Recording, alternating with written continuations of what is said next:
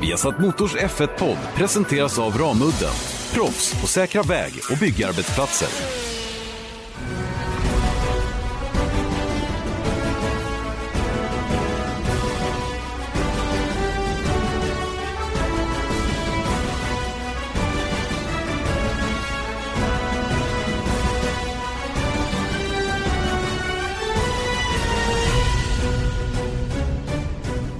Mycket välkomna till Viasat Motors Formel 1-podd. När eh, racen står som spön i backen här, det är racevecka igen nu alldeles strax. Italiens Grand Prix. Janne Blomqvist, Erik Stenborg ska gå igenom eh, många saker i eh, dagens eh, F1-podd. Vi ska ju självklart titta lite närmare på det som hände med fransmannen Antoine Hubert.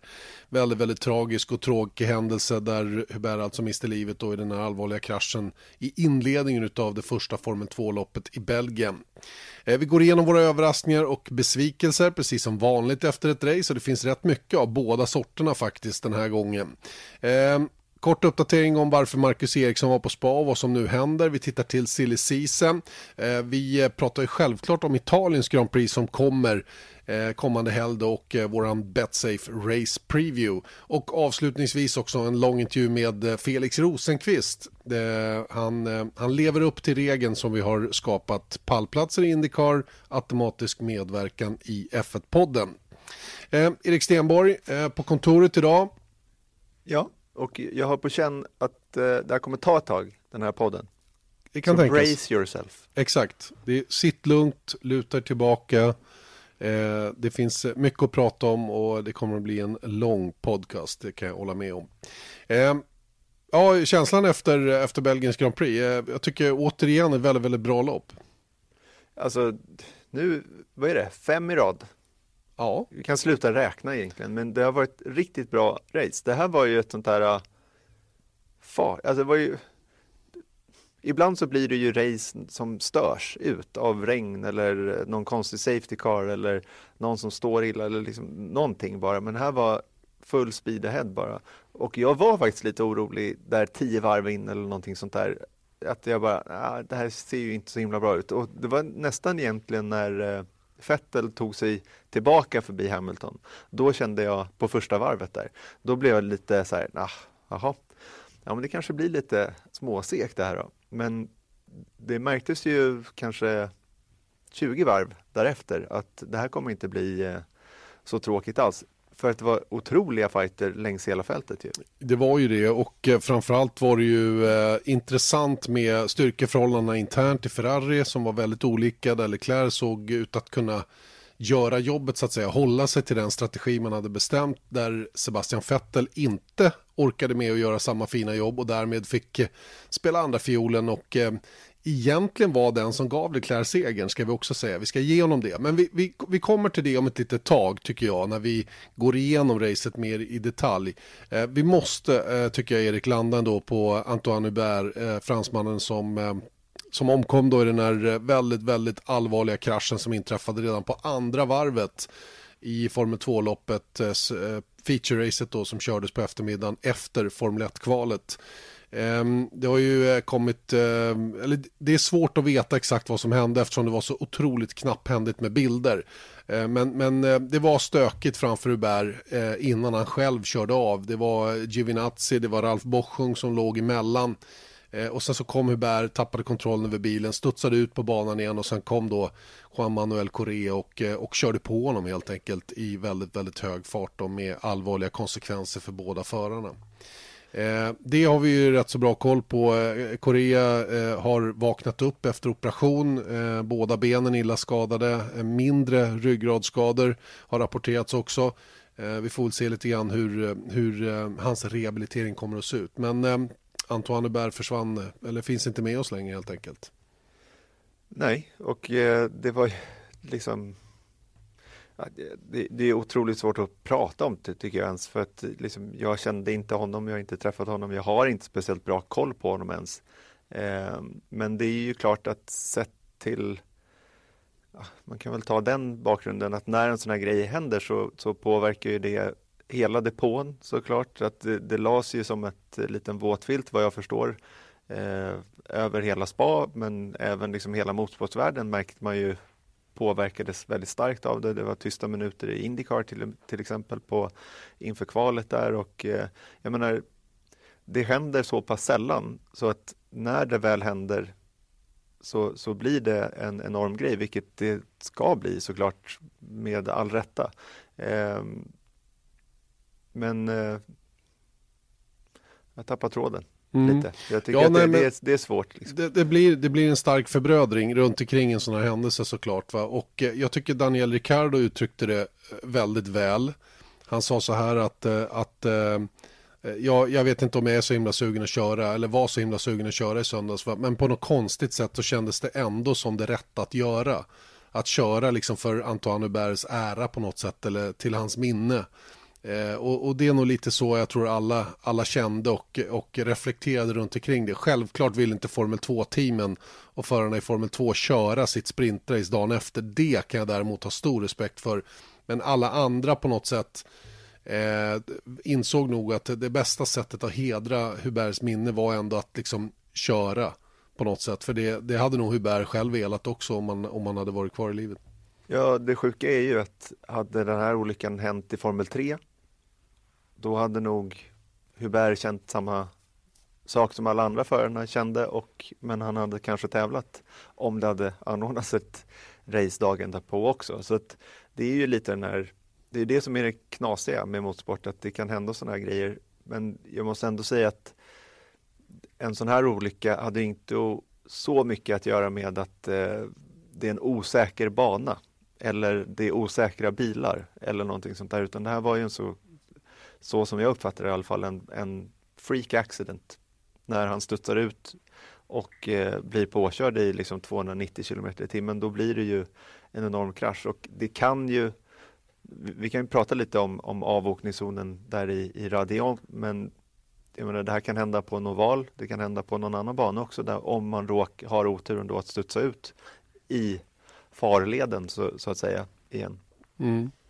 Ja, nej, det är, väl, det är väl möjligen det enda som jag ser det som man, som man behöver titta på hur, hur, man kan, hur man kan eh, minska risken för att man vid en sån här, för själva avåkningen uppe i Radion där är ju trots allt inte jätteovanlig. Det ser vi lite då och då att man tappar kontrollen, får lite överstyrt upp för backen och sen så snurrar man av och så har man ordentligt med asfalt, farten skrubbas av, man smäller i ordentligt och det är en allvarlig avåkning såklart, va? men man stannar kvar i däckbarriären så att säga och studsar inte ut på banan igen. Det är väl möjligen det man behöver titta på.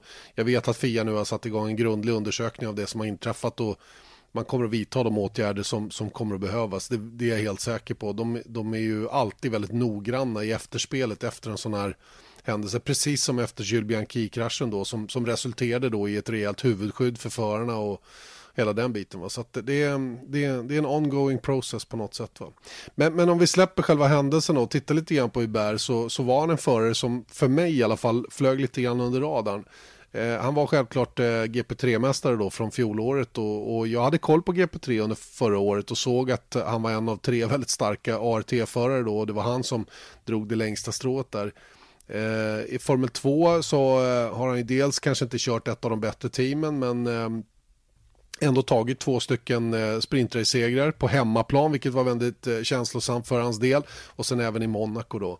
Eh, men det har liksom inte riktigt varit. Han var ju rookie dessutom med alla de svårigheterna det är att komma in som nykomling i serien. Och han, han, han, han var lite sådär, men jag har förstått nu efteråt att han var väldigt högt ansedd i Formel 2-depån. Det var många som, som jagade hans namnteckning inför nästa år.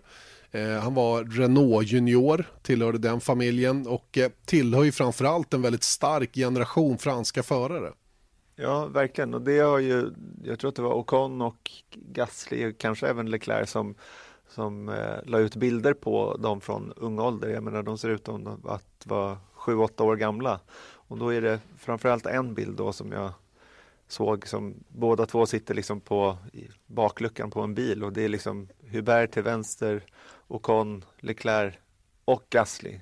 Alla de fyra sitter på rad i den där bilen och det blir ganska slående tycker jag vilken generation av franska monegaskiska eh, förare de har tagit fram när tre stycken är, i varje fall nästa år är alla tre eh, i Formel 1 och Hubert kanske var en late bloomer eventuellt. Som sagt, jag, jag kan inte allt om Hubert men, men eh, det var väl inte helt omöjligt att han skulle kunna hamna i Formel 1 om ett eller ett par år, par år till.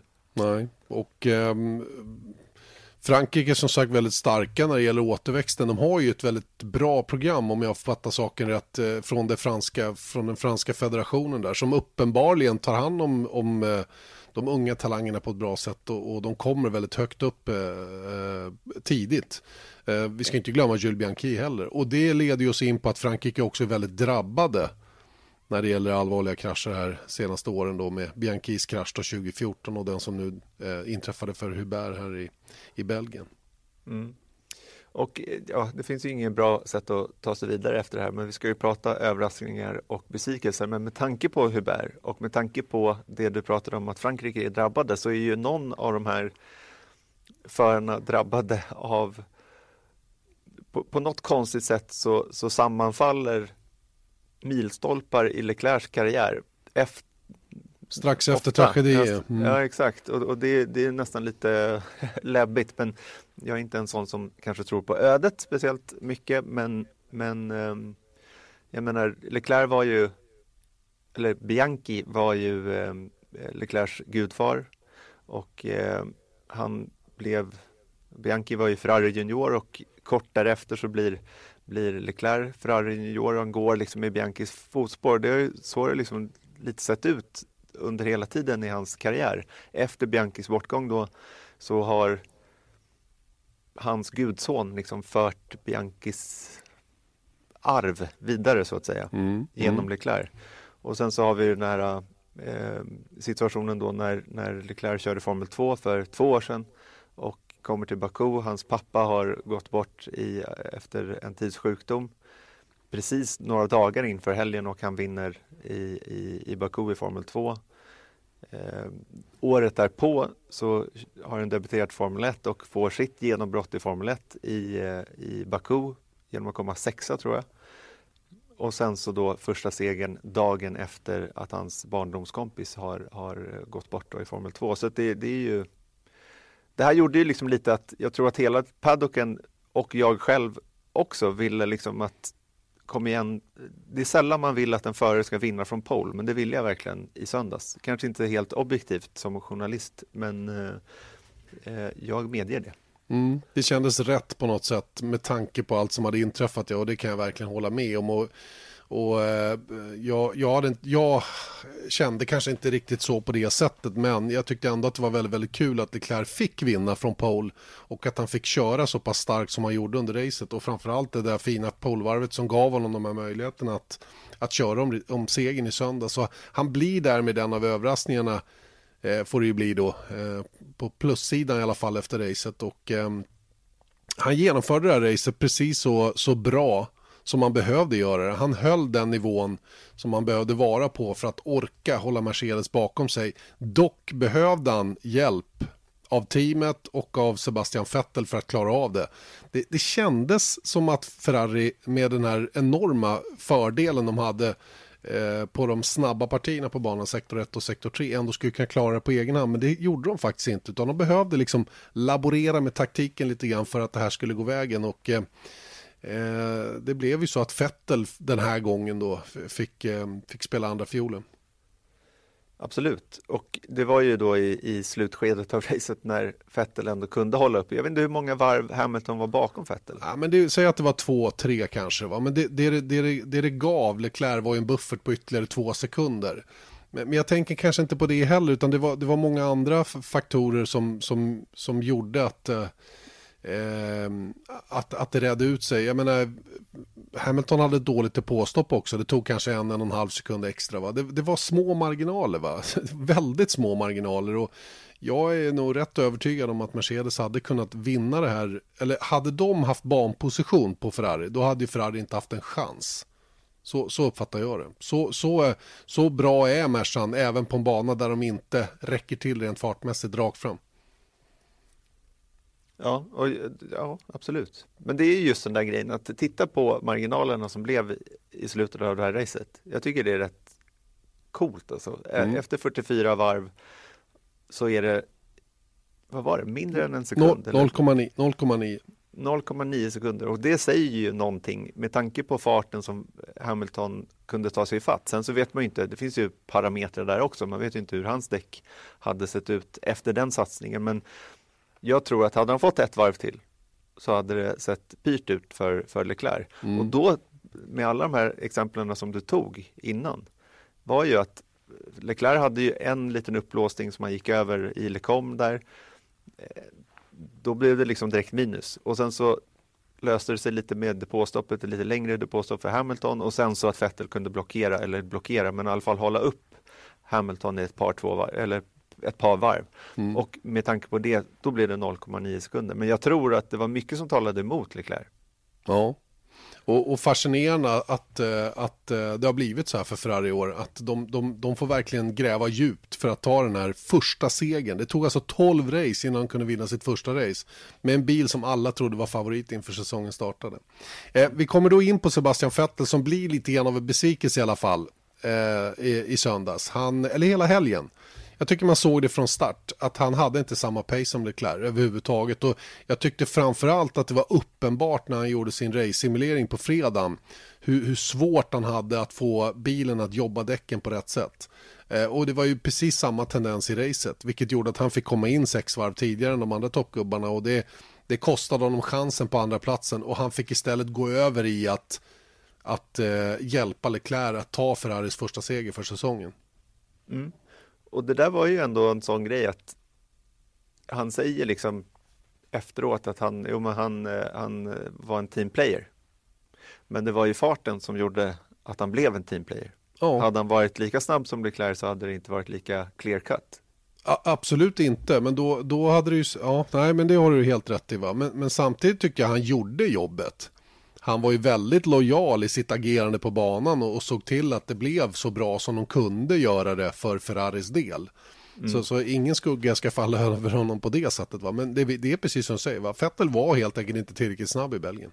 Nej.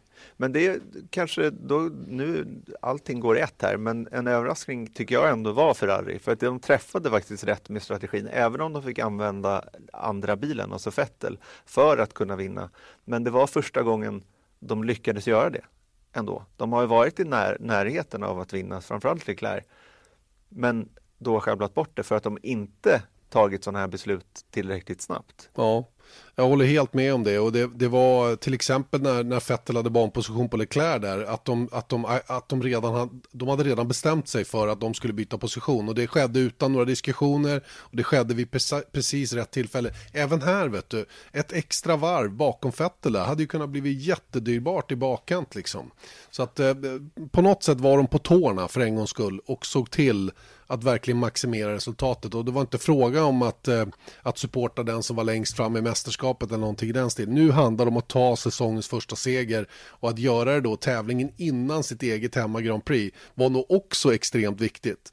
Eh, här, den här segern blev ju också den första för Mattia Binotto då sen han tog över i teamet och, och eh, ja, och på ett, ett år efter Fettels senaste seger också i Belgien. Nu var ju mm. Kimi Räikkönen den senaste att vinna för Ferrari då i Texas förra året. Men... Mm. Mm. Och nu, nu är vi på Vettel. Han är, det var alltså över ett år sedan han vann senast. Ja, ja. Det är det och um, det, det, det, känns som att eh, vi är uh, inne i någon form av tronskifte där, eller vad säger du? Alltså absolut. Jag tycker det är ganska intressant att, att titta på. Utan att jämföra övrigt så var det ju lite så att när Leclerc hade sin debutsäsong förra året så tog det några race innan han liksom verkligen kom upp i fart. Men eh, senaste gången som Vettel kvalade ut Leclerc var när Vettel tog pole i Kanada. Mm. Det var sex racen. Det känns som oceaner av tid sedan. Ja, och vi, vi, pratade ju mycket om att han hade fått stryk fem raka kval då inför kvalet i Belgien och det blev ett sjätte. Men vi ska väl i ärlighetens namn säga att Vettel har haft lite småstrul också Eh, det har inte bara varit på ren fart så att säga som man har fått stryk av Leclerc. Men, men statistiken ljuger ändå inte. Leclerc är starkare just nu än vad Vettel är över ett varv. Vilket säger en hel del. För är det någonting Leclerc har påpekat till omgivningen är hur stark Sebastian Vettel är vid just ett varv. Så att eh, han, eh, han är riktigt up to speed just nu, vilket Vettel eh, uppenbart inte är. Och jag noterar vissa diskussioner här och var mycket på sociala medier om att nej, nu kommer Vettel eh, lägga hjälmen på hyllan efter den här säsongen. Håller du med om den saken? Nej, det gör jag såklart inte. Han har ju för det första han ett kontrakt över nästa år, det är ju nummer ett. Nummer två är att jag uppfattar inte att Fettel är en sån som bara viker ner sig bara för att det går emot lite grann. Han är väl eh, han eh, kommer nog gräva djupt i fickorna för att hitta tillbaka. Jag menar, alla vill ju liksom sluta när de själva vill på något sätt. när, när, när, de, har, när de känner att, eh, att de är på topp. Och den känslan tror jag Fettel kommer att jaga vidare efter eh, nästa säsong också. För att eh, sen kanske inför 2021 ta en vända i huvudet och fundera över hur, hur resten av karriären ska se ut. Det kan jag ha större respekt för. Men jag tror inte att han att han kommer att bara dra sig ur med svansen mellan benen och om man nu skulle få stryk av Leclerc den här säsongen. Det har, han, är ju, han är ju fortfarande före i VM.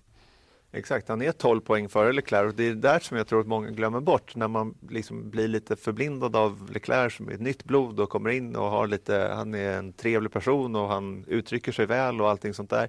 Men då han ligger 12 poäng bakom Vettel. Mm. Så det är det jag menar att det finns ju ingen direkt risk att, att att Ferrari skulle vilja byta ut Vettel heller.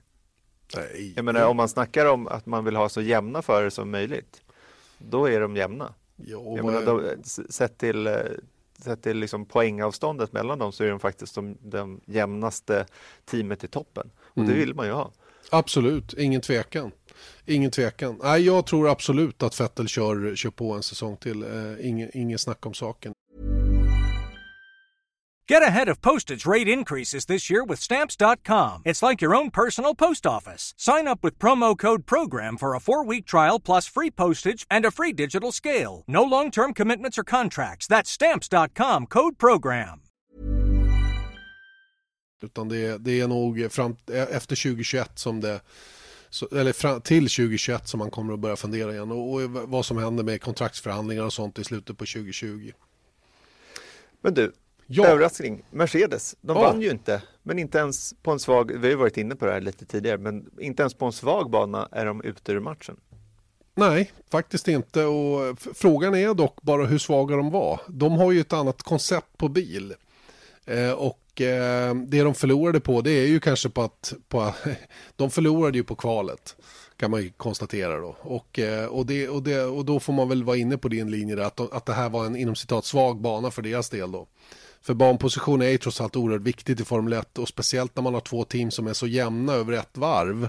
Kanske inte, de var väldigt ojämna var de var snabba någonstans på varvet men varvtiden i kvalet ljuger ju faktiskt en hel del sett till hur det såg ut under racet. Så att eh, Ja, jag, jag tycker Mercedes är, är, har en bättre bil eh, overall och det, det, det, fattar ju alla att det är så. Men de leder ju mästerskapet och, och Hamilton och Bottas är ett och tvåa i VM och hela den biten. Va? Så det, det, är klart att de har det, det, det bästa totala paketet så att säga. Och det, det är jag lite imponerad av med Mercedes att de, att de lyckades komma ur det där. De var ju svaga på, på banor med sin lite längre hjulbas då, där, där det var långsamma kurvor. Det har de ju totalt byggt bort ur bilen och kommit till rätta med men fortsätter ändå att vara starka på de banor de tidigare var bra på. Eh, Mercedes eller Ferrari åt andra hållet då eh, har, har byggt en bil som, som är väldigt smalare och eh, är otroligt bra eh, på vissa saker men betydligt sämre då på andra. Så att de behöver liksom plana ut det där på något sätt Ferrari, vilket Mercedes har gjort på ett mycket bättre sätt.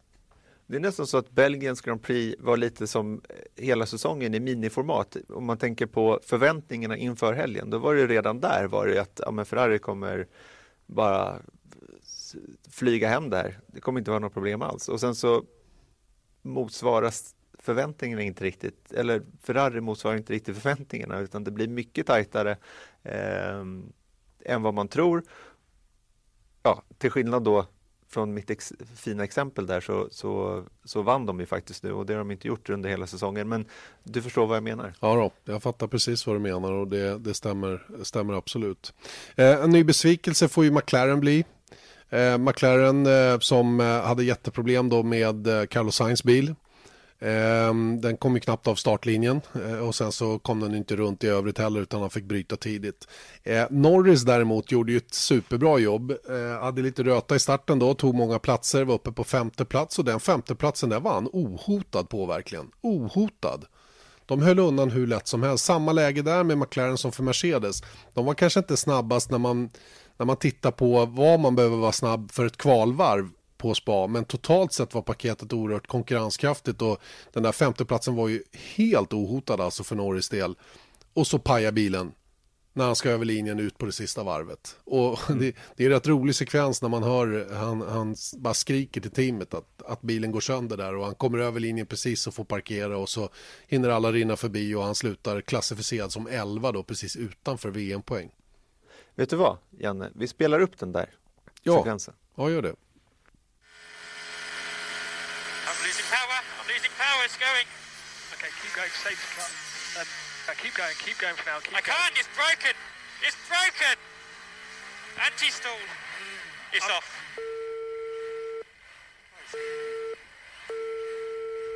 Okay, we're over the line. So just pull over to one side, please. Pull over to one side. Go to P1. Pause for four seconds. Go to P0. I'm so sorry. Ja, det, ja det, det är kul att höra Lennon. Eller kul, det är ju tragiskt att höra Lennon Norris. Eh, han, han, är så uppe i varv och så bara pajar allt vid precis fel tillfälle. Ja, Nej, det, det, måste kännas fruktansvärt. Jag kan bara tänka mig att när man sitter sådär ohotad och liksom egentligen bara cruisar och ska ta, det är väl hans bästa, ja, han kanske kommit fem, nej, han har kommit sexa tidigare. Mm. Jag tror att det var hans bästa resultat som han hade på gång. Han gjorde ett sånt där race som Carlos Sainz har gjort ett par gånger. Ett par, mm. tre gånger. Bara liksom eh, tagit hand om saker och ting i början och sen bara hållit i och haft en bra fart rakt igenom och bara seglade mot en bra, en bra slut, eh, slutplacering. Och så pajar det på det här viset. Och det, jag vet att eh, McLaren är lite bekymrade nu och vill ha eh, ordentlig eh, transparens nu med Renault om varför motorerna krånglar. För eh, det där är oroväckande tendens och även om de ligger bra till i både konstruktörs-VM och förra-VM med, med Carlos Sainz så, så äh, det är mycket, mycket kvar att köra och då, jag tror inte de vill tappa den där goa ledningen de har nu och den fina placeringen i VM. Nej, verkligen inte. Du, nu vill jag gå vidare ja. på en besvikelse och det är Verstappen och ja. eh, kanske Red Bull Honda också. För grejen är så här, innan det här har de tagit 21 raka eh, placeringar i topp 5. Och nu blev det en sån här riktig off-weekend måste man ju säga. Ja, och den började redan på fredagen kändes det som. Det var aldrig någon fart i, i hans bil eller det var aldrig någon fart i Verstappen och Red Bull-bilen. Totalt sett.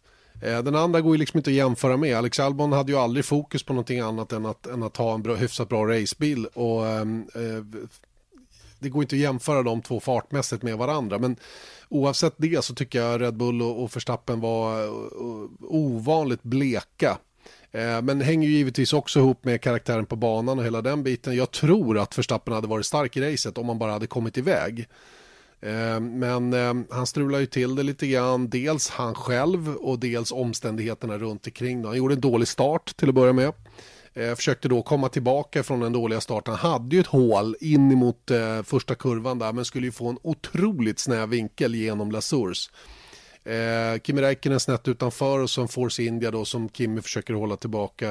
Eh, jag tror att det är Sergio Perez i det här läget. Och, eh, han tar det där spåret han tog även 2016 då även, eh, då, då, även den gången Kimi Räikkönen blev indragen så att säga då. Och det där spåret borde han ha backat ur. Jag tycker inte han ska ta det där spåret och eh, det blev ju rätt uppenbart att det inte var speciellt smart att ligga där på insidan. Eh, det är inte lätt för Kimi på utsidan att veta om det är någon innanför där. Han går in och försöker ta sitt ordinarie spår och Självklart hade Kimi kunnat undvika kollision genom att hålla åt sig för det finns marginal utåt. Men ehm, ja, man tar ju beslut på tiondels sekunder där och sen håller man sig till det. Man committar sig så att säga.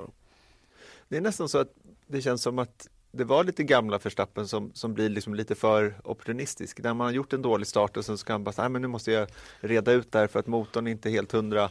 Eh, så att eh, nu gäller det verkligen att ta chansen och då dyker han. Mm. Och då blev det lite så här, som Stefan Lillövis Johansson skulle sagt, en brain fart. brain fart, ja, så kanske det var. Ja, nej, jag, jag, tycker han borde, jag tycker han borde ha dragit sig ur den där fighten. Snarare än att sticka in näsan på det sättet han gjorde. Han kanske har rätt att vara där inne, det är en helt annan fråga. Men för sin egen skull så att säga så borde han ha dragit sig ur och, och, och förutsett vad som, vad som skulle kunna hända där. Ehm, och ehm, det hade ju gjort att han hade åtminstone kunnat vara kvar i racet. Men, men vad händer med hans starter? Det är inte första gången han gör en dålig start. det jag eh, får upp i minnet är ju eh, Österrike när han startade långt fram i alla fall och sen så trillade han ner till åttonde men då vände han ju och vann. Eh, så att jag menar starterna kanske inte har varit bra och grejen är ju att nu till enligt plan i alla fall så ska han få en ny motor till Monza vilket kommer innebära gridbestraffning så han kommer starta väldigt långt bak. Mm. Så då får han chans att visa sig och göra en sån här uppkörningsshow. Vilket kanske leder oss in på nästa överraskning och det är ju Pierre Gasly och Alexander Albon. Ska vi börja med Albon? Ja, det kan vi väl göra. Alexander Albon då som alltså tog över Red Bull-bilen efter Pierre Gaslys nedflyttning till Toro Rosso. De bytte plats helt enkelt. Eh, fick ju tidigt reda på att han skulle få den här nya senaste Spec, eh, Spec 4 utav motor eh, som de sedermera inte använde i racet. Har jag fått reda på i efterhand. Det är ju också lite spännande. Så att han, han hade inte, de, de tog bara in den under träning, såg till att få den i cirkulation så att säga för Albons del. Eh, och då, och då tror jag att det ännu mer var för att dels ge Honda lite data inför Italiens Grand Prix när den behöver gå verkligen på max. Eh, men det var också för att lätta på trycket lite för Albon då som fick en helt annan, ett helt annat upplägg hela helgen då givetvis. Um, Albon eh, startade långt bak och körde upp sig 12 platser till slut och går i mål som femma. Visserligen då eh, hjälpt av att Norris eh, bröt till exempel då och att det var mycket annat som hände framför. Men han, han gör ett bra race. En trög start på racet. Bilen funkade inte som han ville på, på medium men så fort han fick på soft så bara passerade han bil efter bil efter bil och det var den sista omkörningen av Sergio Perez var ju riktigt, riktigt tajt där. Den som gav honom femteplatsen i slutändan då. men han gjorde det otroligt bra tycker jag och eh, han måste vara supernöjd med den där debuten för sitt nya team. Ja, även om det var omständigheter så blev han femma och det är ju så bra han kan någonsin hoppas på från 17 plats på griden. Jag menar, det, det, det kan inte bli bättre. Och grejen är ju att Pierre Gasly kvalade ut Kviat och kom åtta i racet. Mm. Det tycker inte jag heller är så dumt. Så jag undrar nästan, är det här, var det nästan lite bra för det här, för båda två? Att de fick byta plats? Uh, ja, det kanske det var. Jag vet inte hur bra det var för Gasly, men, men uh, han, han, uh, jag tycker han tog sig an uppgiften att köra för Toro Rosso igen på ett professionellt och moget sätt. Och tog, tog vara på chansen som han fick. Och det, det måste jag säga, det imponerar utav, utav Gasly. Sen tror jag ändå han har liksom han har bränt sitt krut i Red Bull-familjen. Eh, det, som, det snacket som går är att det, det, det finns lite andra aspiranter på att köra i Red Bulls juniorteam nästa säsong och jag undrar om Gasly kommer att få behålla den där platsen. Jag tror inte ens att Kviat känner sig säker på att få köra 2020 i Toro Rosso och fortsätter Albon så här då är det ju sannolikt han som blir teamkamrat med Max Verstappen också 2020 så att allra bäst var det ju naturligtvis för Alex Albon. Ja, men om vi går tillbaka till Gasly, vad jag menar med att jag tycker att det var en skitbra helg var ju just den tanken att när man får sparken och man hörde ju på torsdagen där när, man, när vi gjorde intervjuer med honom att han var ju helt alltså, död inombords. Han var besviken. I, ja, men för att han hade fått det där och han verkade ju liksom, han var ju uppenbarligen chockad över att, att det här hade hänt för att han hade hört någonting annat i, i efterbudda på Pesso senast. Så, och sen så att stå där då att han var ju en av huvudpunkterna under mediadagen och åtminstone fram tills att alla eh, nya kontrakt till 2020 började släppas. Men han var hade enormt fokus på sig och hela tiden behöva svara upp. Vad hände? Hur fick du reda på det här? Vad händer nu i Toro Rosso när du har blivit liksom nedpetad igen? Och att ändå lyfta sig så pass mycket så att han faktiskt tar poäng i Toro Rosso. Vilket, alltså jag menar egentligen så var åttonde plats var inte ovanligt för honom i en Red Bull. Nej, nej han, han var ju på ungefär samma nivå fast han var i en annan bil den här gången. Eh, nej men jag tror ju att eh, den här nedflyttningen blev lite grann en motiveringsfaktor för hans del. Han motiverade sig att göra ett Han skulle fan visa de här idioterna att han, han, eh, det var fel att flytta bort honom. Lite så kändes det när man såg honom köra och, och jag tror det var så jag upplevde honom också under torsdagen där. Han var, var grinig. Han var grinig över att ha blivit utsatt för det här och han skulle minsann visa alla att eh, det var fel. Och eh, det Exakt. gjorde han på ett bra sätt tycker jag i racet. Har du någon besvikelse på lut eller? Ja, det har jag faktiskt. Jag har en och det är Antonio Giovinazzi. Jag, är, jag måste säga att jag är förundrad över den här pojken. Alltså, den, den första italienaren på ett tag i Formel 1 och, och eh, kommer in och får en bra chans ihop med Alfa Romeo och eh, tar inte vara på den. Det, det tycker jag är, är, förundrande. Jag är mycket medveten om att han inte går runt och, och, och gör dåliga resultat med avsikt men han har ju frapperande svårt att hålla ihop det. Och det som hände i söndags kan faktiskt vara nådastöten för honom. Eh, den här avkörningen han gör då med vad är det, två varv kvar av racet på en solid eh, nionde plats, två VM-poäng. Eh, den får ju helt enkelt inte hända. Det får inte hända. Och, eh, ja, han har fått mycket kritik. nu tar det för vad det är, men Christian Danner kallar honom till och med för idiot. Eh, i någon tidning såg jag och eh, tyckte att han var eh, riktigt klumpig som gjorde det här. Och han har inte direkt fått någon support heller från, eh, från Fred Vassör eller från Pascal Picci då som är vd för Sauber Alfa Romeo. Det börjar ju direkt då gå, gå, gå rykten om att han kanske får, får lämna teamet redan under pågående säsong. Det, den, den diskussionen tänker jag inte gå in i nu, men jag tycker att han gör ett otroligt klantigt misstag. Eller klantigt misstag, han gör ett otroligt onödigt misstag mm. eh, i ett läge där han inte var pressad och med två VM-poäng på banken. Eh, det får man inte göra på den här nivån. Eh, det, ja. det är min dom helt enkelt. Speciellt när han skulle dubbla sin poängskörd över hela säsongen. Mm. Så blev det extra olyckligt. Ja, och, och sen när, eh, när Kimmy var helt off också och inte kunde göra någonting, göra sig själv rättvisa, då måste Alfa Romeo kunna lita på att den andra driven tar de poäng den faktiskt har möjlighet att ta. Mm. Och det gör han inte. Och det, det är det som inte är riktigt acceptabelt. Och det, du vet, det här kan kosta tiotals miljoner euro i slutändan. Mm. Och det, du vet, det, är inte, det är ingenting som en teamledning eller, eller någonting ser på med blida ögon oavsett vad man har för koppling till motorleverantören eller till, till sponsorn eller vad det nu är för någonting. Va? Mm. Det jag tror dock är att det finns ju alltid med förarkontrakt att det finns vissa liksom, ska man säga, beting som man måste nå upp till. Och jag tror att det finns ett sånt från eh, Ferraris sida att de ska eh, leverera X för att behålla sina, liksom, eh, det sägs ju då att Ferrari har Giovinazzis plats. Den förfogar de över så att säga. De kan välja förare dit. Men då tror jag att från teamets sida så måste ju den föraren som Ferrari stoppar in nå upp till vissa krav. Gör den inte det, då finns det möjlighet för honom, för, för eh, Sauber då, att släppa eh, den föraren. Och tvärtom då, att om inte någon når upp åt andra hållet så att mm. säga så, så har, har Ferrari vissa möjligheter att, att kräva eh, ett byte då. Men jag tror att till Italien när nu, eh, jag tror Alfa Romeo har något jubileum som vi ska göra ett reportage ifrån och sånt. Och det, jag tror att liksom italiensk media, allting är upplagt nu för att han är ensam italiensk förare på griden. Han eh, kör för Alfa Romeo på Monza. Det är ett jubileum för Monza dessutom, ett 90-årsjubileum. Jag tror att, och väldigt kort om tid också, fram till Italiens Grand Prix. Så skulle han bytas så gör han i så fall, skulle jag gissa i alla fall, det här är bara från häften, men men till, först till Singapore. Mm, det känns rimligt också i min, i min värld. Äh, men det här med prestationsklausuler, det, det, det, vet jag existerar och det är nästan alla kontrakt har sådana små grejer i, i dem. Va? Och jag tror att den här VM-poängen han tog i Österrike, den var oerhört viktig för honom innan sommaruppehållet till exempel. Eh, det var nog en grej som gjorde att han, han satt lite säkrare då inför, inför hösten och så vidare. Va? Så att, eh, ja. Eh, men besviken är jag oavsett på Antonio Giovinazzi. Eh, den typen av grejer han gjorde i slutet på, på Belgiens Grand Prix, eh, det, det håller inte på den här nivån. Kort och gott.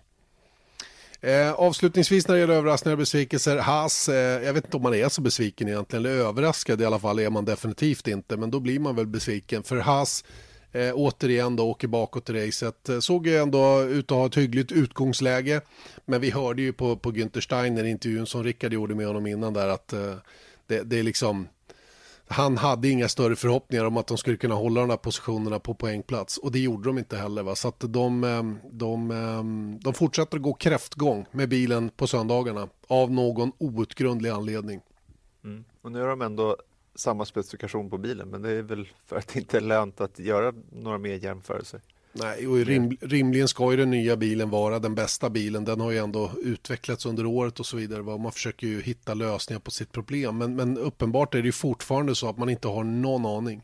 Jag hade för övrigt en skön pratstund med Günther Steiner i, i depån Eh, jag kommer inte ihåg vilken dag det var, men han, han bara haffade mig. Eh, jag råkade stå in i hans ehm, eh, motorhome eller deras hospitality där och då, då kom han, ja, då kom han, ja, hur är det i Sverige? Kommer Eriksson att köra den här helgen? Nej, det kommer han inte att göra och bla bla bla. Och så, så började vi tugga gamla historier om Thomas Rådström då som som han, eh, som han eh, kände till, Thomas Rådström och Colin McRae då när, när ehm, Rådström bröt benet där inför Safarirallyt tror jag det var. Och de kände ju varandra sedan tidigare.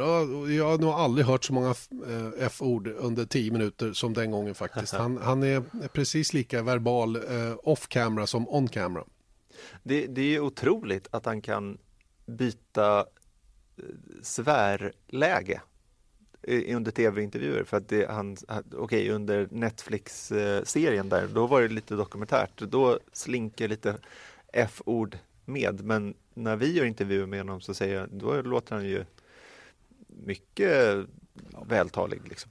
Han är, han är by far den coolaste figuren i depån. By far, alltså enligt mitt tycke och förmenande så är han alltså helt, helt otroligt skön att göra med. Han är en fantastisk människa och jag önskar att fler vore som han i depån. Vi har satt Motors Formel 1-podd rullar vidare. Vi har då eh, klarat av våra överraskningar och besvikelser som var ganska många. Ni märker att det här kommer att bli en lång podd. Ehm, vi har ju fortfarande en del kvar, Erik, att avhandla. Eriksson, Marcus Eriksson var på plats på spa. Eh, kort bakgrund. Eh, bakgrunden var bara att, ja, från mitt perspektiv, att vaknade upp eh, på morgonen, hade ett sms från dig att, eh, att eh, kolla här på den här artikeln. Det verkar som eh, eh, att Ericsson ska göra comeback i helgen. Och enligt den artikeln som kom ut in, i racer.com, då var det ju 100% klart att han skulle stå över ehm, Eh, Portland och i Indycar då för att, för att tävla istället för någon förare. Och det var ju ospecificerat också. Så att vi, eh, det satte igång ganska tidigt på morgonen där och försöka reda ut vad är det som händer nu? Mm. För att allt, eh, inte minst så här planeringsmässigt inför sändning, det här blir ju en, en enorm skillnad för ett svenskt sändande bolag om vi har en svensk förare i, i, på, på griden. Och ja, på den vägen var det. Det var ganska rejält rörigt faktiskt fram till efter lunch. Ja, det var förvirrat faktiskt och, och det, det, häng, det var ju, berodde ju mycket på den amerikanska artikeln då. Robin Miller var det väl som hade skrivit tror jag att, att eh, att Marcus då skulle köra på spa och eh, när man har hört mer efteråt, eh, Sam Schmidt har uttalat sig också då, eh, teamägaren då till, till Marcus Indycar team och han sa ju att det jag hade hört det var att Marcus skulle, skulle åka till, till Belgien för att köra, att Kimi was out of contention som han sa. Eh, och att vi ville göra Alfa Romeo en tjänst och släppte iväg Marcus dit och så får han åka dit och sitta på filten. Det, det tyckte han var lite märkligt. Ehm, men, men eh, problemet var ju att det var så, det var så liksom luddig kommunikation också från Alfa Romeo som som blev nog lite tagna på sängen också av den här artikeln då som kommer från, från USA eh, i ärendet och, och, eh, reagerade väl inte tillräckligt snabbt och det, det gjorde att det blev onödigt eh, struligt runt omkring och det var ju många som hoppade på det här tåget och skrev att Marcus gör comeback. Jag, jag kände nog att här gäller det att vara lite kall, Man, man har ju liksom hade det varit på det viset så, så, så eh, hade man fått signaler om det på något eller ett eller annat sätt. Men det första man behövde ta reda på det var ju för, för, vem, för vem. Vem skulle han eventuellt ersätta? Och mm. det, det visar sig när vi började lägga pusslet, att, eh, eller när jag började lägga pusslet, jag hörde till exempel att det var någon pressfrukost på morgonen där Eh, på torsdagen som hade blivit uppskjuten där Kimi Räikkönen skulle vara med och så vidare. Va? Så då började jag liksom att tänka, jaha okej det kanske är någonting med Kimi trots allt. Va? Och sen så ju mer man träffade eh, folk in i depån så insåg man att det var nog eh, Kimi som, var, som hade råkat ut för någonting och det visade sig vara då en sträckning i vänster baklår då som som var boven i dramat och att eh, teamet hade kallat in Marcus då som eventuell ersättare. Nu åkte han hela vägen förgäves då, men, men eh, det blev som det blev. Och eh, ja, tråkigt för Marcus som både missade att racea i Portland och inte fick chansen att köra Formel 1. Mm. Men jag tror att eh, det var väl där det var lite misskommunikation mellan, mellan SPM och Alfa Romeo för att jag tror att när det bestämdes att, att Marcus skulle eh, flytta på sig, då var det ju tidigt på veckan gissningsvis, var väl måndag, tisdag i alla fall och då tror jag enligt Marcus själv i alla fall så säger han att då såg det väldigt annorlunda ut för, för Kimi Räikkönen. Då var det väl mer eller mindre eh, klart i hans huvud att han inte skulle kunna köra, alltså Mm. alltså Kimi. Mm. Och att eh, på något sätt att Kimi hade då requestat det här då att vi behöver nog ta in en, en, eh, en reserv här för att jag tror inte alls att jag kommer kunna köra. Sen så blev det markant bättre, kanske med lite behandling, kanske någon spruta här och där, inte vet jag. Men, men köra kunde han ju. Men då blev det ju, eftersom det tog så himla lång tid, då kom det ju ganska snabbt upp starka rykten att här, ja, det här är ju bara för ett, eh, att liksom blidka eh, ryktet då om att eh, Marcus har i själva verket fått sparken från SPM. Så istället då för att inte sitta på sidlinjen där, då, då har han en, den här som en fallskärm så att säga, att då kan han åtminstone, då kan vi koka ihop någon historia och sen så eh, vara på spa istället och låtsas som att det är Alfa som har bett oss. Men så var det ju inte, utan det var ju eh, Det var kris helt enkelt. det var kris helt Ja, enkelt ja. i början av veckan och sen Mm. så blev det lite pannkaka av alltihop. Just så, och Marcus kommer att vara tillbaka i, eh, i SPM-bilen då till Laguna Seca då, eh, avslutningen av årets Indycar-säsong. Eh, vi kan väl säga det i det här läget att vi ska prata mer Indycar om en liten stund. Vi har en lång intervju med Felix Rosenqvist till exempel, men ni får vänta på den ett litet, litet tag till. För vi måste väl beröra silly season också en aning eh, innan vi glider in på Italiens Grand Prix och våran preview som vi också har inför näst, nästkommande helgs race. Ehm, det hände ju en hel del på torsdagen. Det var kanske den mest händelserika torsdag jag har varit med om tror jag, på många, många år åtminstone. Ja, hur, hur, hur var det där? Man hörde rapporter om att det, det var mycket springande Ja, men grejen var- i den här depån. Först hade vi ju Ericsson-historien som, som kokade och bubblade i början på dagen och sen så började det ju droppa in då. Valtteri Bottas blev klar för Mercedes. Ja, då tog det ju inte lång stund innan Renault bekräftade Esteban Ocon. Ehm, och det här gjorde ju att Perez då som nog hade räknat med att eh, tillkännage att han kör vidare för, för Racing Point då höll på sitt announcement ett dygn. Han tyckte inte han ville försvinna i bruset där. Eh, så att, eh, men, men det vi fick reda på under dagen också, raka besked ifrån, eh, ifrån Günther Steiner var ju att Kevin Magnusson också ska köra för Haas 2020. Det har varit klart ett tag men de har varit lite luddiga med det. Men den här gången var det raka puckar till våra danska kollegor. Ehm, så att det, det var ju liksom en, en, ehm, en karusell av saker och ting som inträffade. Och då när Ocon blev bekräftad för Renault då kom ju Hylkenberg ut med sitt och sa att ja, tråkigt att den här tiden tillsammans med Renault är slut. Ehm, och då började ju rykten om vad han ska ta vägen och, och hela den biten. Och, och då, då drogs ju Romain Grosjean med in i alltihopa då eftersom han sitter utan kontrakt inför nästa säsong med Haas. och eh, det här var en av de grejerna jag och Steiner pratade om lite grann också när vi stod och bubblade tillsammans där. Och han, eh, han eh, har ju Hylkenberg högt upp på listan givetvis. Eh, men han har även Romain Grosjean kvar på listan. Så att, men inom två veckor, jag tror kanske redan till nästa helg, så, så kommer ett besked eh, ifrån Haas om vem som kommer att vara teamkamrat med Kevin Magnussen nästa säsong. Vet du varför jag tror att det är Hülkenberg snarare än Grosjean? Nej. Det är för att de inte släppte, när de släpper en, så släpper de inte Grosjean också. Det betyder att det finns fortfarande ganska stora frågetecken runt Grosjean i minsta fall. Va, nu förstod jag inte, när de släpper När, när, en... de släppte att, när de släppte att Magnusen ska köra Ah. vidare 2020 och så tar de inte andra föraren. Varför sitter de och väntar på det då? Nej, så är det ju. Och, och det är klart att, eh, att eh, en förare då som har ett utgående kontrakt och heller ingen option på förläng eller någonting sånt. Eh, Så, så blir det ju naturligtvis eh, naturligt att Haas-teamet avvaktar lite grann för att se vad som eventuellt blir ledigt. Och i och med att Ocon har varit med i diskussionen om att köra för Haas om man inte skulle hamna i Renault så har ju givetvis eh, Steiner koll på att Ocon mer eller mindre var klar för Renault och vill ju då, eh, vill ju då avvakta såklart och se om Hülkenberg blir ledig. Jag tror att han är eh, starkaste kandidaten till den här styrningen bredvid Magnusen till nästa år. Det, det håller jag med om. Ja, och grejen är också att Hylkenberg gick direkt ut, nu kanske det är en personlighetsfråga eh, mer än någonting annat, men jag tänkte ändå på det att Hylkenberg gick ut ganska starkt och, och pratade så här, ja, det- ingenting är klart för nästa år, men eh, du vet, han var väldigt så här gracious mot Renault också, att jag respekterar beslutet, det är inga problem, liksom, det är tråkigt, men eh, det är liksom inga större problem. Grosjean säger ju ingenting Nej, ja, Nej. i frågan. han, säger- han, visst, han, visst, nu har han fortfarande potentiellt sett ett kontrakt kvar Så att han behöver ju inte, han ska ju liksom inte ursäkta sig ännu då för att han har inte fått sparken så att säga om man nu kan se det som att Hylkenberg fick det. Men jag tycker ändå att liksom hela tonaliteten hos Hylkenberg som inte är liksom den här äh, personen som, som är så himla vad ska jag säga, schysst, eller vad man ska säga. Eh, då, då tycker jag att det, det, var lite talande att jag tror att han känner ändå att han har sitt på det torra, så det är väl inte världens undergång för hans del. Att, Nej, att, att det nu att, blev som det. Att han får sluta hos Renault, nej, för han vet nej. att han har bra, eller bra, men i alla fall alternativ. Eh, mm. Det Grosjean har sagt är att han kommer inte att flytta över till Indycar. Eh, han har också sagt att han har alternativ, fler alternativ, vad de nu är.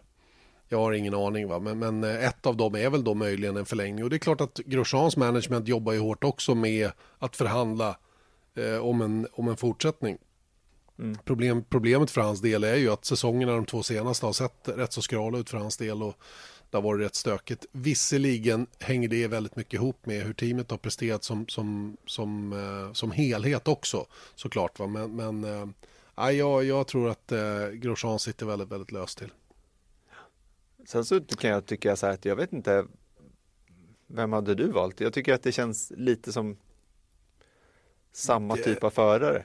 Ja, det är ju det och det blir ju samma typ av konstellation. Eller Hylkenberg är inte alls samma typ av förare som Romain Grosjean, men de är jag förstår vad du menar. De Resultatmässigt. Är, nivåmässigt är de ju inte helt olika varandra på det viset. Då. Men, men eh, Hylkenberg Magnusen kan ju bli en kul, intressant konstellation om inte annat. Eftersom de inte har varit bästa kompisar direkt. Nu spelar inte det någon roll. De, de kommer ju köra mot varandra som om de vore vilken bil som helst på banan i alla fall. Eh, även om de skulle sitta i samma material nästa år. Men eh, jag tror inte de kommer att eh, äta middagar ihop och sådana där grejer. Men det behöver man inte göra. Det finns ju ingen anledning till att interagera med en teamkompis på det sättet. Även om det självklart är att föredra att två förare inom samma team ändå accepterar varandra på ett bra sätt. Ja visst. Men det är inte så vanligt att teamkamrater äter middagar ändå. Nej, nej, det är inte det. Har vi lärt oss. Ja. Eh, ska vi släppa silly season tycker du? Eller finns det något mer du vill tillägga där? Det finns inte så himla mycket mer att tillägga. Jag har eh, rykten om Jury Vips, eh, Formel 3-föraren eh, som är Red Bull-backad, att han kommer att köra eh, att han kommer att köra FB1-träningar efter att F F3-säsongen är slut och eh, då och då för, för Toro Rosso givetvis. Sen får vi se vart det leder. Eh, vi vet ju sedan tidigare att Luca Giotto, italienaren i, i Formel 2, har kontaktats av Dr. Marco.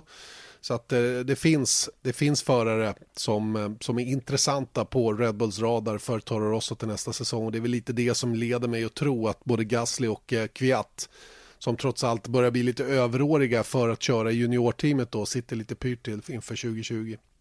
Jag skulle gissa det också faktiskt. Mm. Men nu pratar vi Italien. Tycker jag. Det gör vi. Det gör vi. Eh, Italiens Grand Prix, Monza ja. Snabbaste banan på säsongen, eh, otroliga farter och en väldigt speciell layout som eh, Ja, jag vet inte. Jag, jag har haft lite så hatkärlek-relation eh, till, till Monza. Jag, jag gillar inte den där typen av banor. Samtidigt är det ett coolt race. Det är, inramningen är fantastisk och racing kan ju många gånger bli bra. Eh, vi har spanat lite på väderprognoserna inför helgen och det är inte helt otänkbart att det kommer lite regn. Så att eh, det kan ju också eh, spela in på eh, vilken typ av helg vi får eh, på, på Monza. Va, va, vad säger du själv om, om Monza och, och, hela, hela grejen runt Italiens Grand Prix, det sista Europaracet för säsongen? Jag har inget hat, utan jag har bara kärlek till Italiens Grand Prix. Jag tycker att det är, jag gillar att vara i Italien. Dysfunktionellt land, men jag gillar det ändå. Och jag tycker det är härligt att bo inne i Milano. Jag tycker stämningen på Monza är fantastisk. Jag tycker bara att här, även om man bara häckar in i paddock en hel helg så får man ändå den här äh, känslan liksom när man åker in med hyrbilen där genom tunneln och så står massa fans där och väntar på förarna och eh, förarparkeringen är precis innan paddocken och man kan eh, varje morgon spankulera och titta på lite vilka åk förarna har. Eh, det är som sagt, det känns som en avslutning när man är där. Eh, för sen sticker man iväg till, till Singapore så kommer man inte till Europa förrän ja, vintertesterna året därpå men sen så är det först i maj nästa år. Så det, det känns som en liten avslutning. Det är sista eh, racet där de har alla de här motorhomesen och jag, jag vet inte, jag, jag, tycker att det är toppen. Och just som du säger om banlayouten, ja men visst, den är lite eh, sådär kanske, men det är just att den är oerhört gammal, den finns den här gamla bankingen runt omkring och sen så är det ju sådär att jag gillar liksom mixen i Formel 1 att det är de här olika banorna och det här är en avartsbana, absolut. Men jag gillar den ändå. Mm. Så är det faktiskt. Man gillar den ändå. Exakt så. En väldigt bra sammanfattning på slutet. Man gillar ja. den ändå, trots allt. Precis. trots gamla ruttna kommentatorshytter och, och uh, att det är en massa, ja, att det är lite sådär. Det är lite sisådär mm. med allting runt omkring det, men man gillar den ändå. Mycket, mycket bra sammanfattning av det hela. Uh, ska vi höra vad, i vår BetSafe Race Preview, vad, vad, vad Alfa Romeos B-sändare har att säga om saker och ting? So one of the classics of the season is of course the Italian Grand Prix at Monza, the, the festival of speed or cathedral of speed or whatever they call it, a very very quick quick track. Yes, long straights, um, only I think nine corners if I'm right. Um, so we've got a long straight, a chicane, a, a, long corner which is actually considered a straight, another chicane, then the two Lesmos, then a, a straight again, the Ascari, a straight, and then the Parabolica. So it's only a few corners and there obviously it's, it's a very special circuit in terms of car setup. It's uh, the only circuit in the calendar where you um, specially produce parts and bits, um, front wings, rear wings, for very low downforce. And you trim off as as much as possible of the downforce, and the DRS could stick open open as well. the DRS could stick open. No, it shouldn't happen again. Um, no, obviously you, you, you go as low as possible with the downforce, but nevertheless you need a good setup for the Lesmos because if you're quick in the Lesmos, you, you, you can gain a lot of time there. And besides having a low drag car, you need very, very stable car on the brakes and the brakes physically because you don't have as much help from the aerodynamics. Absolutely. Um, as you said, that there is um, because of the lack of downforce, um, the car is is unstable, and then you've got another effect: is after a long straight, the brake temperatures they're lower than than normal working range, so the driver have to apply brake sometimes in a in a different way than they normally do. And uh, to be quick there, how is it? Uh, first of all, how is it to work there? Is it uh, is it a good place? The atmosphere is great, I know that, but from your side. Atmosphere is absolutely great, and, and it is. We consider it our second home race next to Hockenheim because it's very close to Switzerland. Um, the Tifosi, they're going mad, especially if Ferraris are in front. Um, to work, it is it is fantastic. If you drive into the circuit, you've got hundreds, if not thousands, of people waiting for the drivers, for for team members, and so the atmosphere is, is great. Paddock is probably a little bit too small. Um, meanwhile, um, over the years, when teams um, pumped up their equipment, their trucks, their motorhomes, so it's rather on the small side. And uh, memory-wise, I know when Robert Kubica took his first podium at Monza, coming third. It must be very special. Um, Robert was special, but I have obviously me being longer in the team. I have other memories. In 1995, we scored our very first podium with Heinz Harald Frentzen there, and the podium in Monza is always special. Ja, Beat Sender är alltså team manager hos Alfa Romeo om hur det är att komma till Italiens Grand Prix och Monza. Och, eh, det är lite spännande där med, med oddsättningen inför helgens race, Erik, också, där eh, det har svängt lite grann om vem som eh, har lägst pengar tillbaka på en eventuell seger. Ja, jag skulle gissa att Lewis Hamilton har haft den där lägsta oddset genom hela säsongen, men efter en seger, då sjunker oddset. Så nu är det faktiskt Charlie Leclerc som ger 2,45 gånger pengarna och Hamilton som är eh, näst lägst på 3,10. Mm. Och eh, jag vet inte, jag, jag, tycker dock att det kanske känns ganska korrekt oddsättning. Ja, i och för sig. Jag, jag, är helt inne på att Ferrari är favoriter också på Monza, sett till karaktäristiken i deras bil. Så att, att, att Leclerc har det lägsta oddset, fine. Absolut inga problem med det. det. Där jag skulle sätta slantarna är ju Valtteri Bottas, 11 gånger pengarna. Och det är inget mm. långskott. Det är inget långskott verkligen alls. Inte. Där kan man verkligen få lite tillbaka. Eh, en sån som Max Verstappen ger 26 gånger pengarna. Det är väl i och för sig svårt för honom att kanske vinna eh, sett till hur den där bilen fungerar. Men de har trots allt den här nya Spec 4-motorn från, eh, från Honda den här helgen och varför inte en liten överraskning från, eh, från Max Verstappen som säkerligen är lite revanschsugen också efter en eh, inte så bra helg då i Belgien. Ja, och sen så visst, motor, eh, det är en motorbana i allra högsta grad, men sen så är det ju eh, en fråga om downforce också och jag menar Red Bullen ska vara, eller snarare så här, du vill ju ha mycket downforce men lite luftmotstånd och det sägs ju än idag då att eh, visst, Mercedes har en jättebra bil aerodynamiskt, men Red Bull kanske inte är speciellt långt efter. Och det kan, det skulle kunna vara så. 26 gånger pengarna känns i överkant. Ja, det gör det. Det gör det faktiskt. Men eh, ja, visst, varför inte? Hur brukar du säga? Ansvarsfullt och över 18?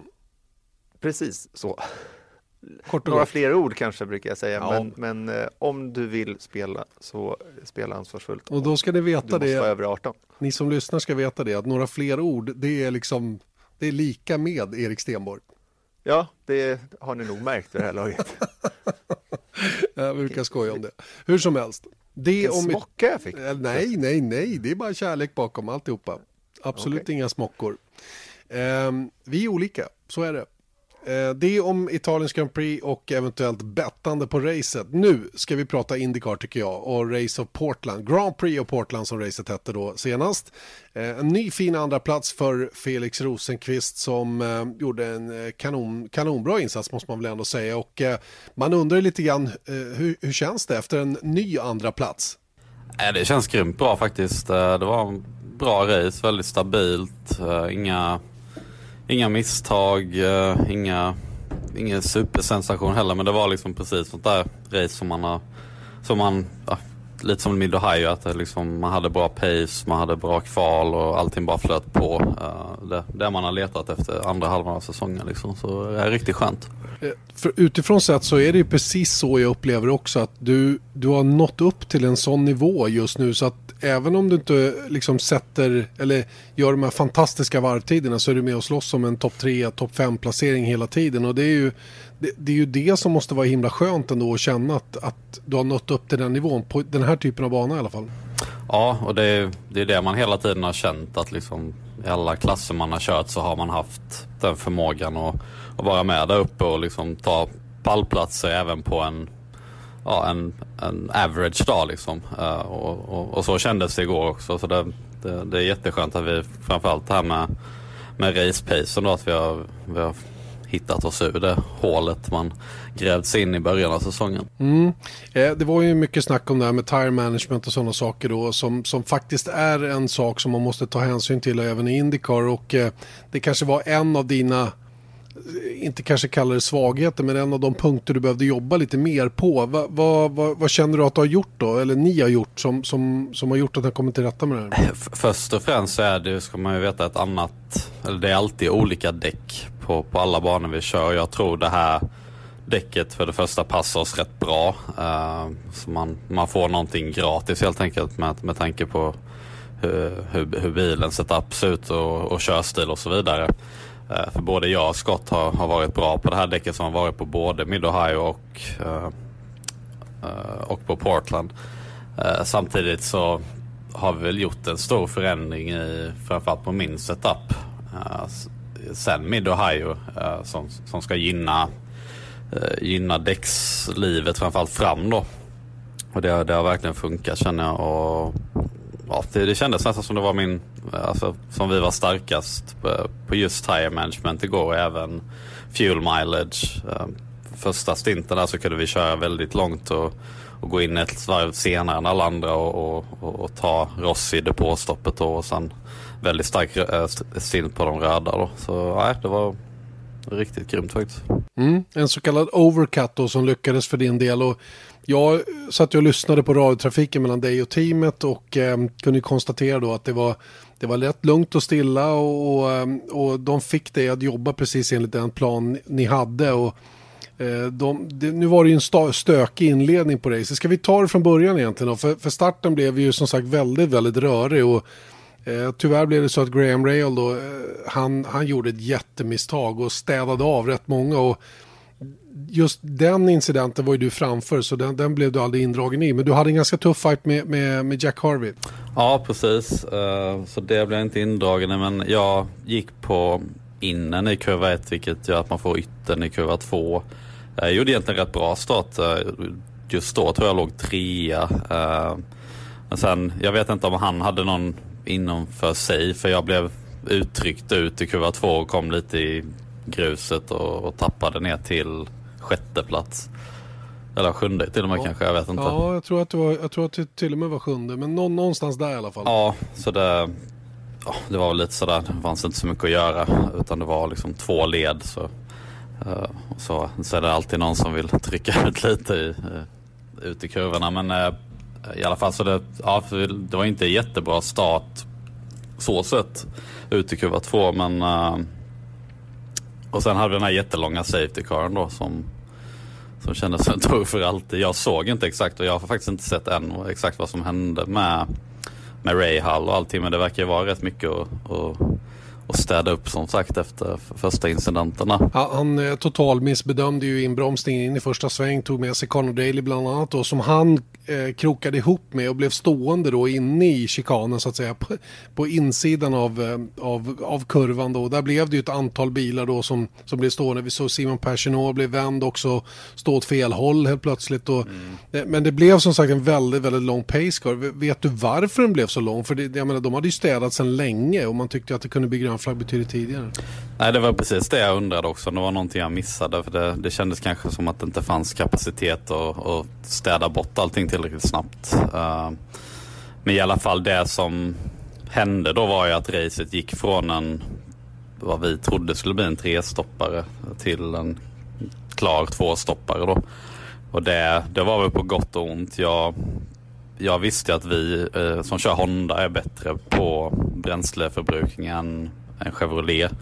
Och därför hade man hoppats att det blev lite mindre safety car så att de kanske hade behövt göra en trestoppare men vi precis kunde göra en tvåstoppare då. Så man, man fick ändå spara bensin men jag tror, jag har inte kollat det heller, men det kändes som alla som kom topp 6 körde nog en en tvåstoppare. Mm.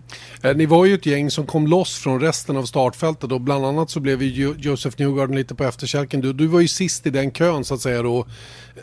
Det känns ju som att nyckeln till ditt resultat blev ju då, precis som du själv var inne på, där, det här extra varvet du kunde göra då när de andra gick in i depå och du kunde hoppa förbi då eh, merparten utav dem och sen Sen såg det ju otroligt bra ut under din, din, eh, din stint på röda däck där jag hörde att du ville attackera på willpower där. Du frågade teamet om du fick attackera på willpower. Hur, hur kände du i det läget?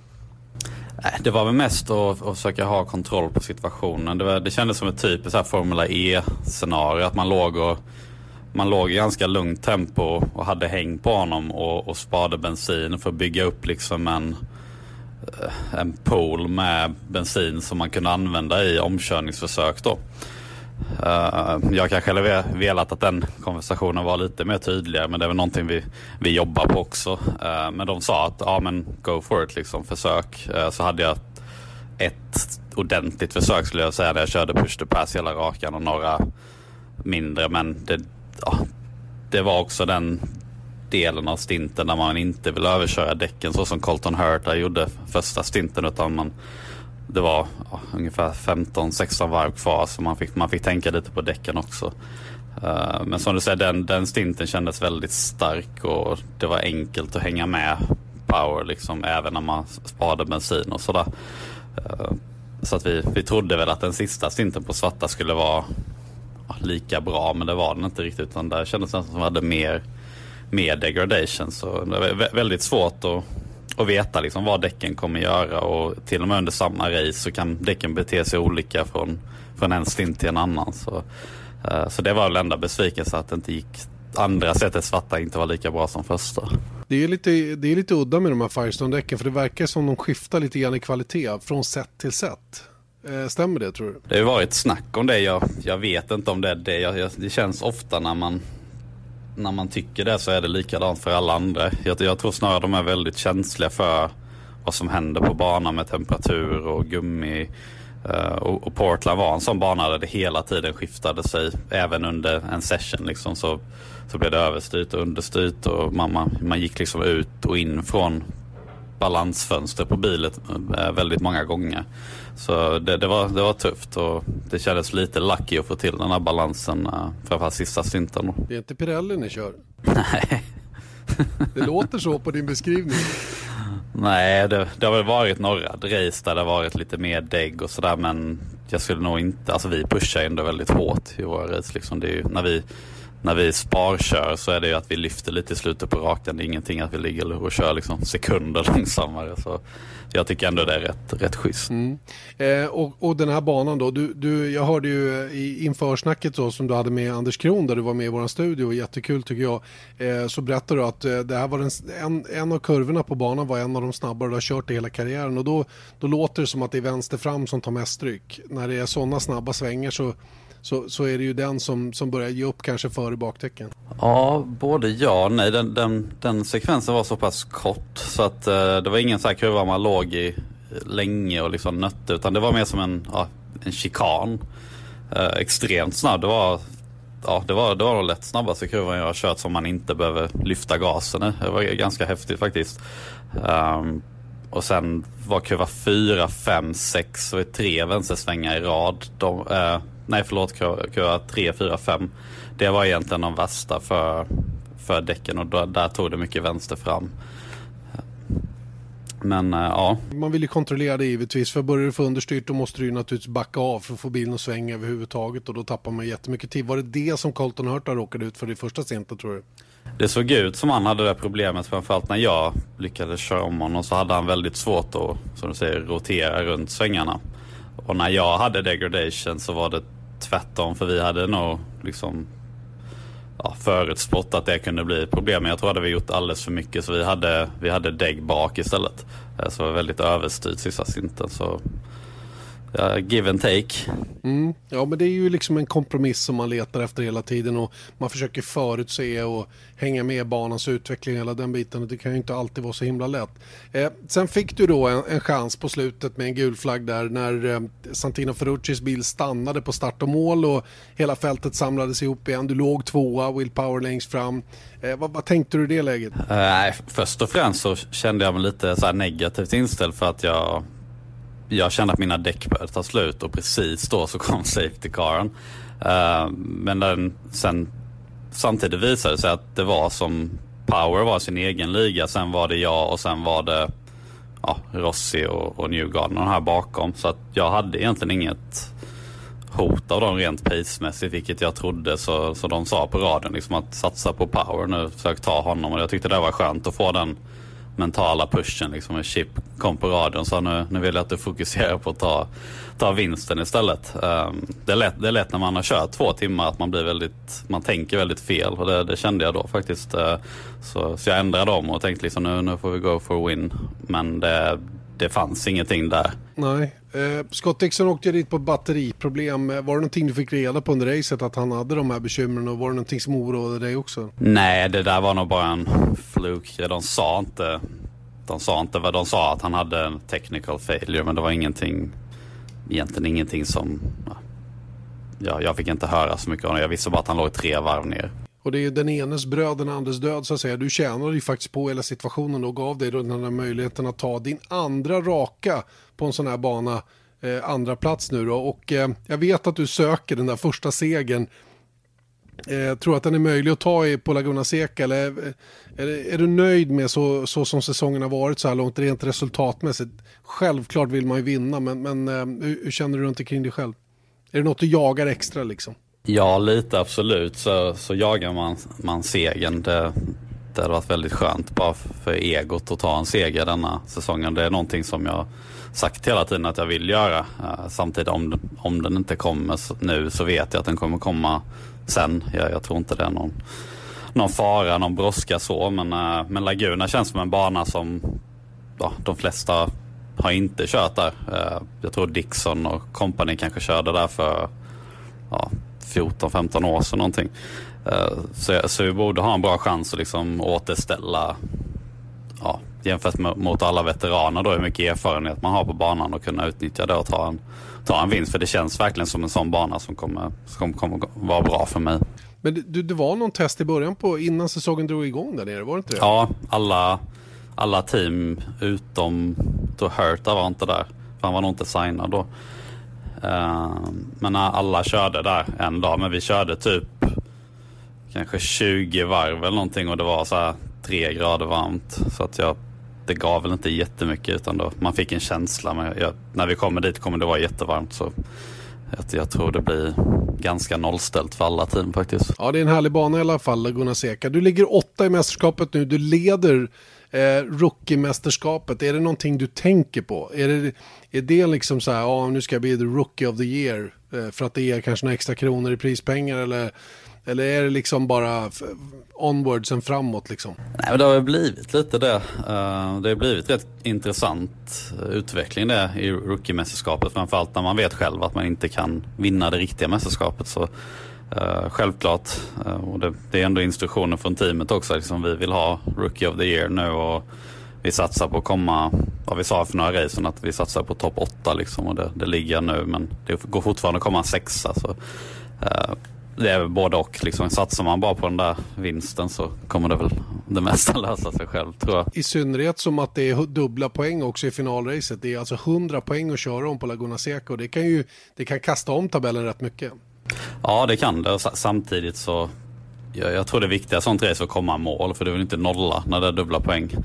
Eh, men kommer man, kommer de flesta där de brukar tror jag inte det kommer bli så jättekaotiskt. Eh, men vi såg för några år sedan, 2015, när Dixon låg, jag tror han låg 60 poäng efter någonting. Fyra i mästerskapet och, och vann mästerskapet sista racet. Så att absolut, det går. Det kan hända mycket, men för min del så är bästa scenario sexa. Jag tror inte ens jag tekniskt kan bli femma för power. Nej. Eh, Josef Newgarden leder mästerskapet just nu. Är han din favorit till att vinna alltihopa? Han har haft en väldigt hög lägstanivå i år tycker jag. Ja, han har haft ganska mycket flyt också tycker jag. Eh, väldigt bra kvalpace, alltid varit med framme i kvalen. Och, och det är sånt där mästerskap som det är jämn gynnar ju liksom förare här. Det, så är det bara med tanke på hur poängsystemet ser ut jämfört med man ser sånt som jag har kört lite innan, Superformula och Formula E, Formel 3 där hade du några få standout-resultat så kunde det räcka till att du var med i mästerskapsfighten i slutet av året. Men här, här alltså har du tre DNF så kommer du aldrig vinna mästerskapet utan det gäller att vara med varenda race och ta poäng. Så jag, jag tror, jag tror ja, Newgarden kommer bli svår. Jag vet inte hur långt det är 40 poäng va? Ja, något sånt. Något sånt. Eller om det är strax under 40 poäng. Men det, det är runt, runt omkring där i alla fall som man leder över nästa man bakom då. Som är Rossi igen tror jag. Ja, nej men jag tycker båda förtjänar nog att vinna det. Det är nog inget snack om den saken. Eh, även Dixon, han har ju haft extremt mycket oflyt nu i slutet. Så jag tror han har haft fem DNFs i år. Så då, då går det inte helt enkelt. Din egen säsong då, med ett race kvar, är, är, du nöjd med vad du har presterat? Har du liksom levt upp till dina egna förväntningar? Ja, det tycker jag ändå, även fast det har tagit längre tid än vad jag velat. Så nu, nivån jag är på nu känner jag att det, det var här jag ville vara och jag, jag hade känt mig nöjd om det såg ut så här i slutet av året helt enkelt. Eh, sen är det väl ovalerna där jag återigen, Indy är jättebra. De andra valerna några bra, några ganska sådär. Så det, där känner jag verkligen att det, det faller mig inte naturligt att och, och liksom vara snabb där. Så det, det, måste helt enkelt jobbas in med, med träning och fler race. Men, men det är det som vi kommer satsa på vintern och verkligen liksom gå igenom och kolla på race och, och, och snacka liksom hur man vill ha bilen och verkligen förbereda ovalerna för nästa år. För vi, vi känner att vi är, liksom, vi är, vi är med på road courses nu. Samtidigt har du haft himla mycket oflyt också på ovalerna kan jag tycka. Du är indragen i en krasch på Indy 500, du är indragen i en krasch på Pocono och det, det, är saker som inte du kan påverka på det sättet men som ändå sätter sig i ditt huvud kan jag tänka mig. Ja, lite. Det, det känns alltid som man ger, man ger järnet såklart. Inte det att man sitter i bilen och inte laddar och sen kommer man ut och så är man liksom tolva, typ som på, på Gateway senast nu där jag faktiskt kände att jag gjorde ett rätt bra race. Jag låg länge topp fem och uh, hade ganska bra pace och sådär. Sen blev, jag hade egentligen rätt otur med, med, gul, med gul flagg. Det racet som många andra som jag låg runt omkring som föll tillbaks rätt mycket. Och Kanan och Sato som låg sist egentligen vann racet. Liksom. Så, uh, ja, surt men det, så, sånt händer ibland. Det känns, jag tycker det är lite tråkigt är att det blir mycket tur i många race. Typ som det racet, att det, det blir mycket Bingolotto liksom. Uh, jag, jag tycker Indycar har så himla bra racing utan det där med alla safety cars. Så det är tråkigt ibland att det blir sådana race men sen har vi också haft väldigt många fantastiska race som det har varit ren racing hela vägen utan något, någonting artificiellt. Uh, och jag tror det känns också som fansen gillar den typen av racing mer faktiskt. Och jag tror att även Indycar själva verkar vilja gå åt det hållet. För det är, åtminstone i början på säsongen var det väldigt restriktivt med gulflaggor och var flera race som, som mer eller mindre inte hade någon gulflagg överhuvudtaget. Då. Och, och precis som du sa då gav den den typen av racing som, som många uppskattar lite mer än, än den här tombolan då, om vi kan kalla det det. Mm. Avslutningsvis också några ord om Takuma Sato. Jag vet att sist vi pratade så nämnde du honom då som en av dem som Eh, inte är så roliga att racea emot. Eh, Marcus Eriksson råkade ut för honom på Gateway till exempel. Det var därför han snurrade i början på racet där. Och du själv då blev indragen i det som, som, som många pekade Sato för, så att säga, på pokern och så vidare.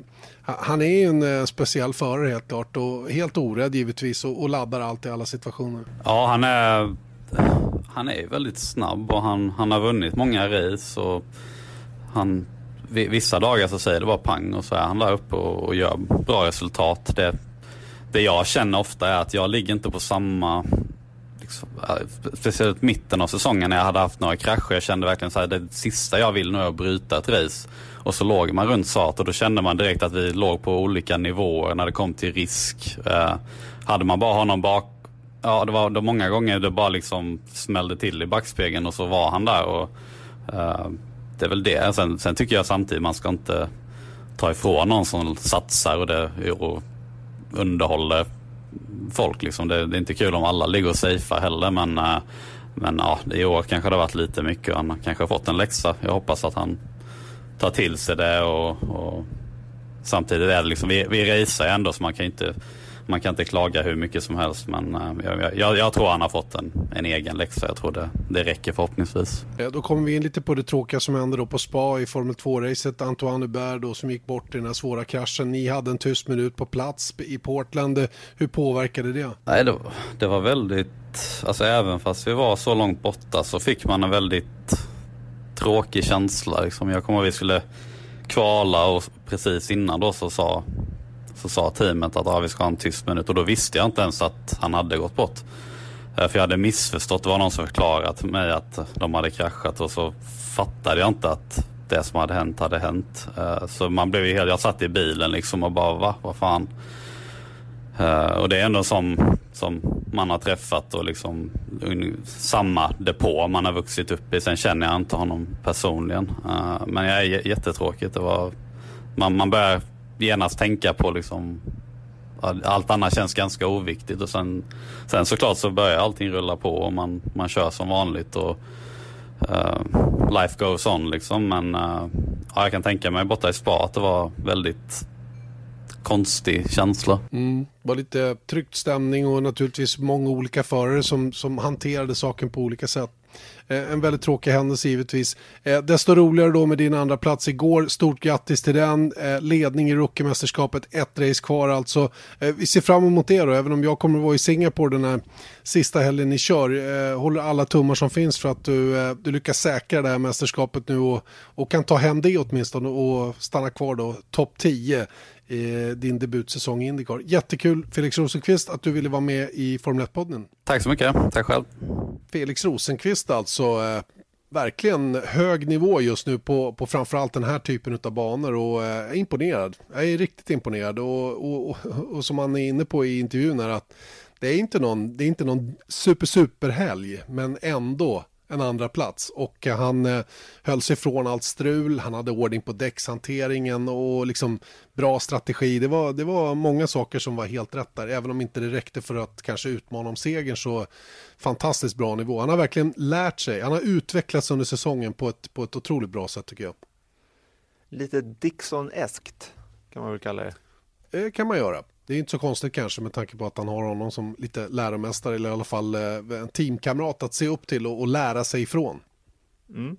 Så att den här rookie, alltså jag tror ändå att jag tror inte att han kommer vara speciellt dålig på Laguna Seca heller. Så jag skulle nog, eh, apropå att sätta pengar så skulle jag sätta pengar på Felix Rosenqvist som Rookie of the Year. Absolut, för den som ligger närmast bakom Santino Ferrucci är inte alls på samma nivå som Felix på den typen av banor han har haft sin del av den här säsongen med ovalerna där han har, där han har skördat stora framgångar. Det är där han har tagit merparten av sina poäng.